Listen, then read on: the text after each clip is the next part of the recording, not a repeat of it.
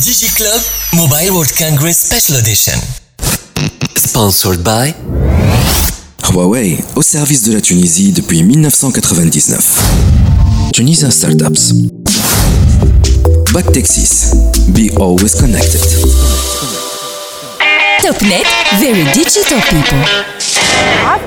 عسلامة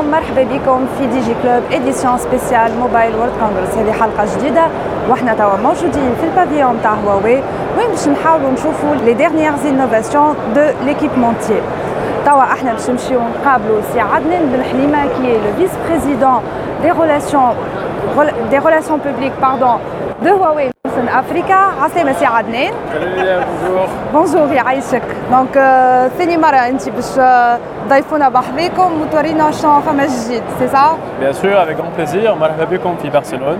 يعيشك مرحبا بكم في الموبايل وورلد Congress. C'est euh, c'est l'édition euh, annuelle du Mobile World Congress à travers lequel tous les exposants vont un petit peu parler des technologies nouvelles في le secteur de la télécommunication.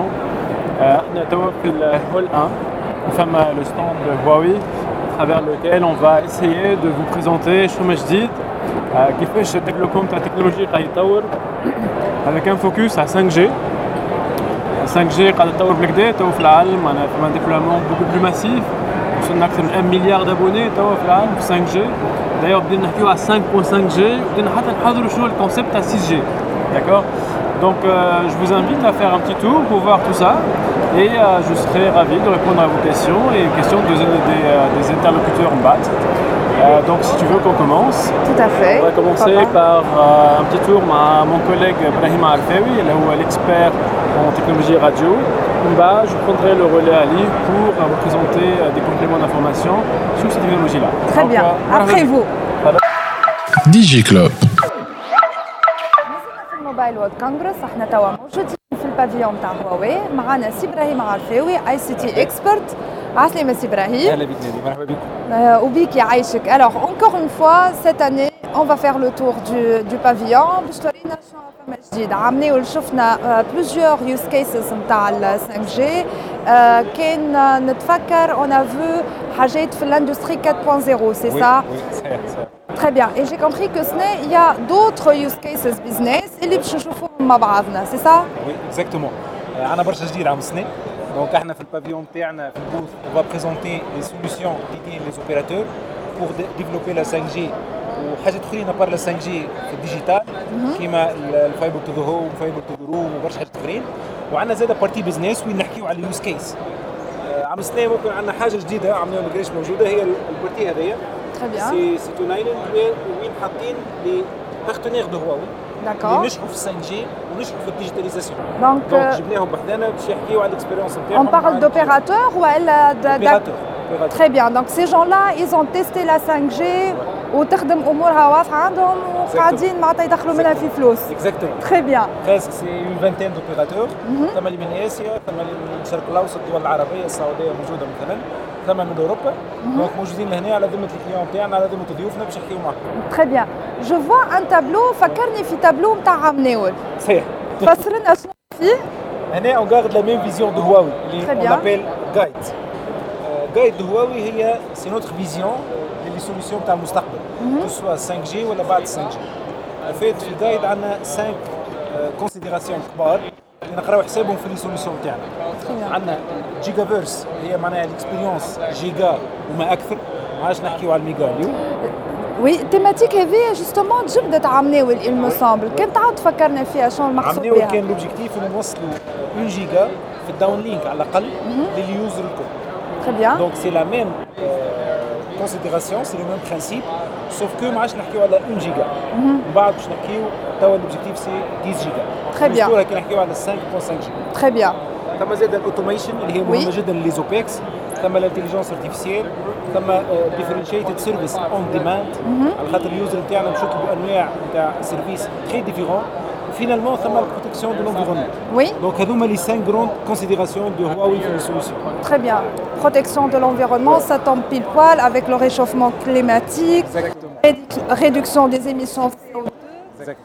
نشوف في ميتافيرس آه لهنا نحكيو على البي تو سي بزنس تو كونسيومر هنا. المستعملين نتاع الهواتف الجوال خصوصا.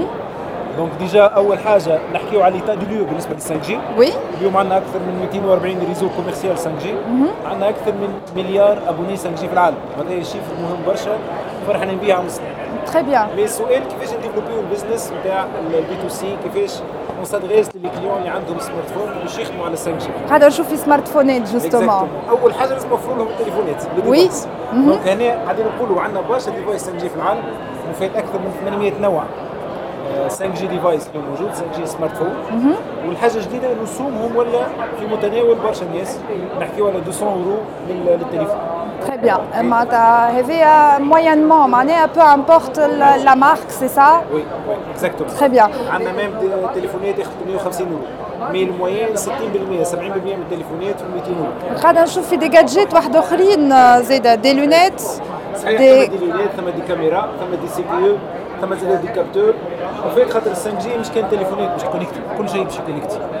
دونك لي ديفايس في 5 جي هما اكثر برشا من السمارت فون الانترنت دي زوبجي اكزاكتومون Très bien. Alors, euh, Mouni, il me semble نحكيو على les tarifs 5G. حاجه من ال- ال- الاسئله الكبيره في 5 جي كيفاش باش نعملوا المونيتيزاسيون Tout à كيفاش fait. باش نعملوا التاريف اسكو باش نبيعوا ان فوليوم كيما كنا نبيعوا في 4 جي ولا لهنا آه، في الاكرون هذايا حاطين روتور ديكسبيريونس نتاع لي زوبيراتور نتاعنا اللي لانسيو 5 جي وي. عندنا ديفيرون تيب دو باكيج نجم تشوف ثم لي باكيج بار برايسينغ كيس أوكي أوكي ثم ناس عملت مونيتيزاسيون نتاع سبيد كو سو سوا ابليك داون لين ثم. ناس عملت بريبايد باكج ثم اللي عاملين بريفيليج لل 5 جي انت كيوزر عندك البريفيليج في 5 جي كابورت ثم كونجستيون ولا ما ثماش ثم دي, دي باكيج على أكثر من سيم كارت تنجم تشري مثلا 50 جيجا بور 3 سيم كارت وانت تجيريهم من تليفونك هي سي دو سويت دونك ثم حلول كومون مونيتيزي لا 5 جي في العالم Est-ce qu'on a à peu près une moyenne sur les tarifs, Mouni, ou pas? سو كي سور البريم تاع الجيجا باش يديها مع 5 جي خاطر D'accord. باش نكبروا في الباكيج أكيد السوق ماهوش باش يطلع كما يطلع السايت معناها كان اليوم نبيعوا في 25 جيجا ب 25000 أكيد مثلا ال 50 جيجا باش تكون أقل من 50 ليره Très bien. جوست باش نفسر لك البرانسيب Ok, d'accord. Je vous laisse euh, nous guider ici, Ibrahim. دونك اول حاجه كما قلنا لي ديفايس اول حاجه التاريف بعد لينوفاسيون Tout à fait. لينوفاسيون تيرم مهم جدا في 5 جي هي تري اوبليغاتوار من غير انوفاسيون ما نجموش نبيعوا على 5 جي هنا عندنا دي يوز كيس عندنا دي دي زابليكاسيون دو 5 جي كوميرسيال نجموا تشوفوا هذه مثلا الاولى نحكيو على آه، 360 ديجري فيو دونك باش تتفرج في ان ماتش دو باسكيت ولا دو فوتبول 360 ديجري Ça, c'est un match qui est diffusé en live, Tawa, c'est هذه ça ابليكاسيون موجوده في التليفون هذايا انستالي D'accord. اليوتيليزاتور شاريها بالفلوس وينجم يحلها ويتفرج في ليزيفينمون اللي يتعداو ستريمينغ على الابليكاسيون هذه Très bien. دونك هذه الاولى ثم زاد الملتي فيو دونك انت في ماتش فوتبول ولا حتى في آه، آه، معناها باش تتفرج في التلفزيون تنجم تتفرج في أكثر من قناة في نفس الوقت ولا أكثر من فيو في نفس الوقت للماتش semble هذايا a été testé في في وقت الكوب دو موند n'est-ce pas? صحيح صحيح صحيح Très bien. خاطر كوب دي شو- موند جربنا فيه برشا حاجات الحقيقة. داكور فما حاجة عجبتني من غادية قاعدة نشوف شوية ماكلة اكزاكتومون ومانيش فاهمة. الناس شنو هي علاقة يترجموا. الماكلة بال بال 5 جي أنت تعرف نادي في وقتنا توا آه، مع لي زوتيتي سورتو تيك توك الانستغرام اي انسي سويت اللايف برودكاست انتشر برشا برشا تو واللايف fait برودكاست في الابلينك الابلينك في 4 جي ما كانش عندنا القدره باش نعطيوه سبيد باهي دونك 5 جي عطاتنا سبيد باهي للابلينك دونك حلت الباب لبرشا ديزابليكاسيون باش يعملوا اللايف برودكاست افيك اون كاليتي اتش دي دونك هنا كان عندنا الانستغرامرز كانت تعمل في لايف برودكاست على الطبخ نتاعهم في ال- في très إسبانيا. bien très bien ان شاء الله لي زوبيراتور يبيعوا لهم كوميم حاجات ان تاريف محترم خاطر نتصور نتصور Très bien. Alors, Rouni, on parle de 5G business. Oui, C'est 5G ça business. Et la première use case, c'est le B2H, business to the home. Donc les, les foyers, les ديار اللي هي اشهر يوز كيس تاع 5G في العالم. تقريبا ثلثي لي زوبيراتور استعملوا 5G باش كونيكتيو لي فوير. Très bien. وفات هذه مهمه برشا علاش؟ على خاطر اليوم مع لي كونيكسيون تراديسيونيل دي اس ال ولا إكس دي اس ال نجم يكون السبيد ماهوش كافي. دونك لي زوبيراتور لازم يتعداو التكنولوجيا المواليه اللي هي الفيبر اوبتيك سوف كو الفيبر اوبتيك لازم يشد وقت لازم يشد وقت لازم يكون فيه كود انفستيسمون طالع شوية ومش في البلايص الكل نجموا نحطوا فيبر اوبتيك. صحيح ما نجموش ندرسيو البلايص كل فيبر اوبتيك من نهار الأول دونك 5 جي تنجم تكون ايتاب انترميديير باش نعطيو ان ثروبوت دو كيلكو ديزين دو ميجا اللي فوي نتاعنا في انتظار انه تخلق الفيبر اوبتيك Très bien. Très bien. بلوس لو فيت انه نعطيو ان ثروبوت دو كيلكو ديزين دو ميجا يخلينا نجمو نبيعو لو كونتوني تنجم تبيع دي بلاتفورم تاع ستريمينغ بلاتفورم تاع جيمنج ولا تنجم تبيع دي يوز كيس تاع سمارت هوم كريمون Hey, d'accord. Je vois que هوني فما غادي سيسون حاجات quelques justement des devices, ga- oui. des هذا gadgets, لو سي des بي يو برو 5 دو هواوي D'accord. ثم دي كاميرا ثم زاد دي سي بي يو ان بري تري ريدوي نجمو نكونوا مفيدين باش نبداو البزنس نتاع pour les particuliers معناها هذوما Oui, ينجموا oui, يصلحوا. exactement, D'accord, je exactement. vois. Très bien. Alors, on passe à la partie suivante. وي بارتي سويفونت باش نحكيو على ديجيتاليزاسيون دو لاندستري D'accord. كيما عملناو Oui. ممكن الجديد نادي عام السنه انه عملناو اللي حكينا على لي تيست حكينا على لي ترايل Oui. عام السنه باش نحكيو على كوميرسياليزاسيون ماسيف يوز كيس بي تو بي Très bien. دونك أشهر اليوز كيس بي تو بي نجمو نشوفوهم في الإكران هذا. عندنا اليوز كيس مربوطين بال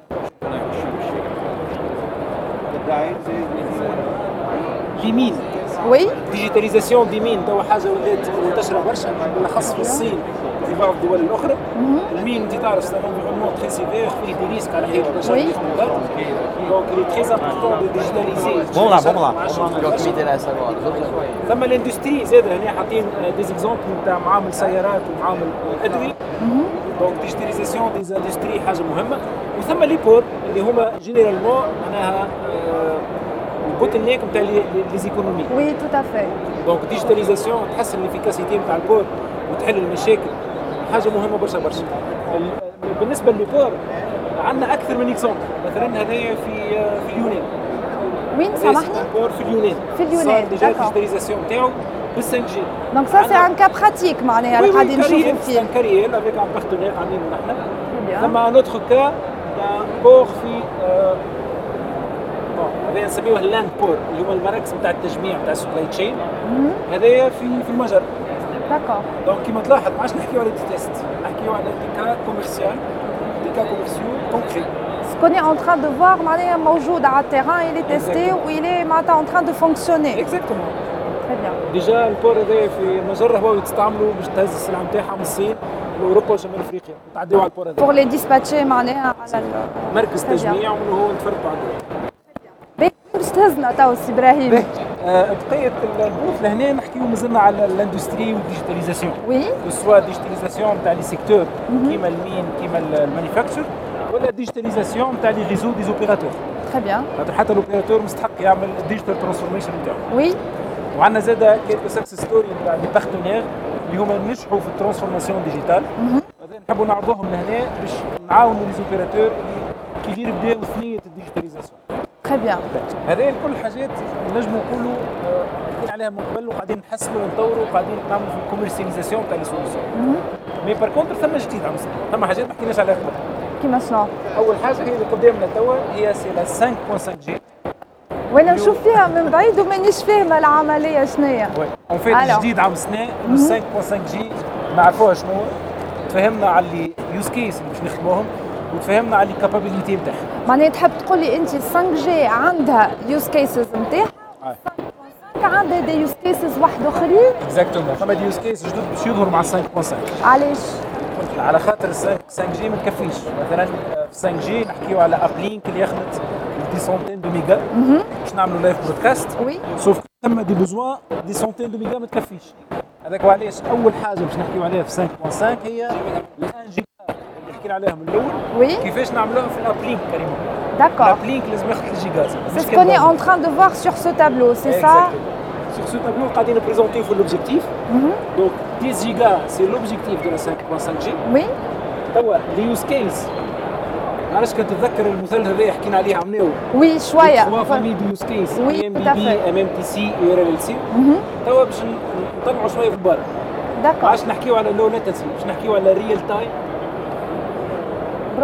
ما عادش نحكيو. على ماسيف كوميونيكيشن باش نحكيو على بلبستها شوية سي إبراهيم.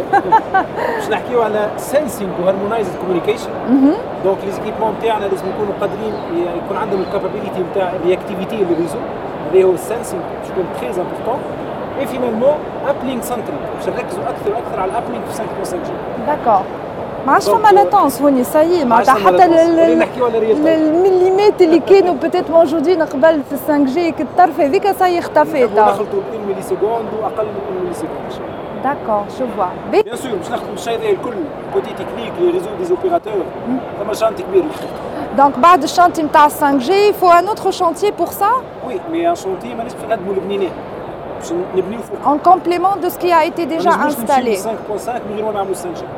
داكور جو فوا إحنا ديما نمشيو في الانهانسمنت وفي الاكسبانشن. داكور لي تكنولوجي اللي باش يخليو 5.5 جي حاجة ممكنة وحاجة واقعية آه، صارت لهم الديفينيسيون نتاعهم هنا.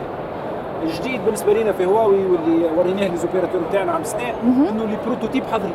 داكور هنا عندنا لي بروتوتيب دو لا 5.5 جي مثلا هذا سي ان اونتين سي ان بوكس فيه 2000 اونتين انتجري في 5 جي نحكيو على 300 400 اونتين 2000 انتين انتجري في شوية هذيك هاو اكزاكتومون هذايا دخلتنا 10 جيجا واو دونك هذايا المستقبل بون une information très importante 5.5G تولي كوميرسيال partir de fin 2024 دونك هذايا ممكن دخلت لنا بعد. معرفش ثلاث سنين أربع سنين. داكور تولي الواقع نتاعنا قبل شوية 6 جي نبداو بهذايا اكزاكتومون بعد D'accord. شويه تجي 6 جي ان شاء الله داكور تري بيان اسكو نشوف هوني هذوما لي يوز كيسز نتاع ال 5.5 سي هنا سا قاعدين نحاولوا نتصوروا في اليوز كيس نتاع 5.5 جي هنا نحكيو على 10 جيجا بالنسبه للداونلينك كيفاش باش نخلطوا لها آه، في الاكرون اللي بعده نحكيو على الاي تي كيفاش باش تتحسن كيفاش باش نخلطوا للسنسيك داكور دونك هنا مازال التصورات ل 5.5 ان شاء الله نادي يجيب حدانا ال دبليو سي 2025 نوريك لي تيست نلقاو حاضرين وي ان شاء الله 2026 2027 نوريك حاجات كوميرسيال من هذوك تري بيان ميرسي بوكو سي ابراهيم يعيشك يعطيك الصحه يعيشك DJ Club. نرجعوا لسي عدنان بن حليمه اللي باش يزيد يحكي لنا على 5.5 G. عسلامة سي عدنان encore une fois. يعيشك. Alors on était avec euh, Sibrahim, il nous a justement un peu parlé de la 5.5 G et je voudrais en savoir un peu plus من عندك انت. Très bien, bah écoute, euh, comme son nom l'indique, c'est une évolution de la technologie 5G. Euh, يظل في أول présentation تاع إبراهيم بكري il vous a parlé du monde Gigaverse. Tout à fait. C'est un monde dans lequel on accède à partir de 1 gigabit par seconde. Et grâce à la 5.5G, on peut aller jusqu'à 10 gigabits par seconde, ce qui est vraiment énorme en termes de connectivité, ce qui nous permet d'avoir des scénarios nouveaux qui mettent une immersion complète dans le monde virtuel à travers euh, la réalité virtuelle, etc. D'ailleurs, il y a une démo qui est juste derrière moi là-bas, qui, euh, à travers laquelle il y a des caméras ultra HD qui pourront vous visualiser avec vos mouvements, etc. Et euh, retransmettre ça chez votre avatar. L'avatar, c'est votre personnage virtuel. Vous, il va reproduire tout ce que vous faites en temps réel. D'accord. D'accord Donc euh, après, je vous laisse le soin d'imaginer les applications possibles. Donc euh, on peut être complètement plongé dans le monde virtuel et utiliser tous nos sens, d'accord Et ça sera reproduit directement à travers votre avatar pour une immersion totale, C'est avoir une vie, euh, une vie virtuelle euh, de A à Z, Voni. presque. Très bien.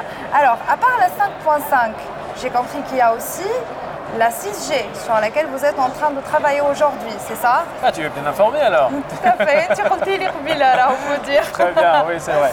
Alors- en fait, euh, on est en train de travailler sur des nouveaux standards. Euh, on a commencé à travailler là-dessus depuis quelques années parce que euh, faire de nouveaux standards, euh, faire sortir de nouvelles technologies, ça demande beaucoup de travail, de recherche. C'est un ensemble de recherche sur plusieurs types de technologies pour atterrir à la fin un standard, d'accord?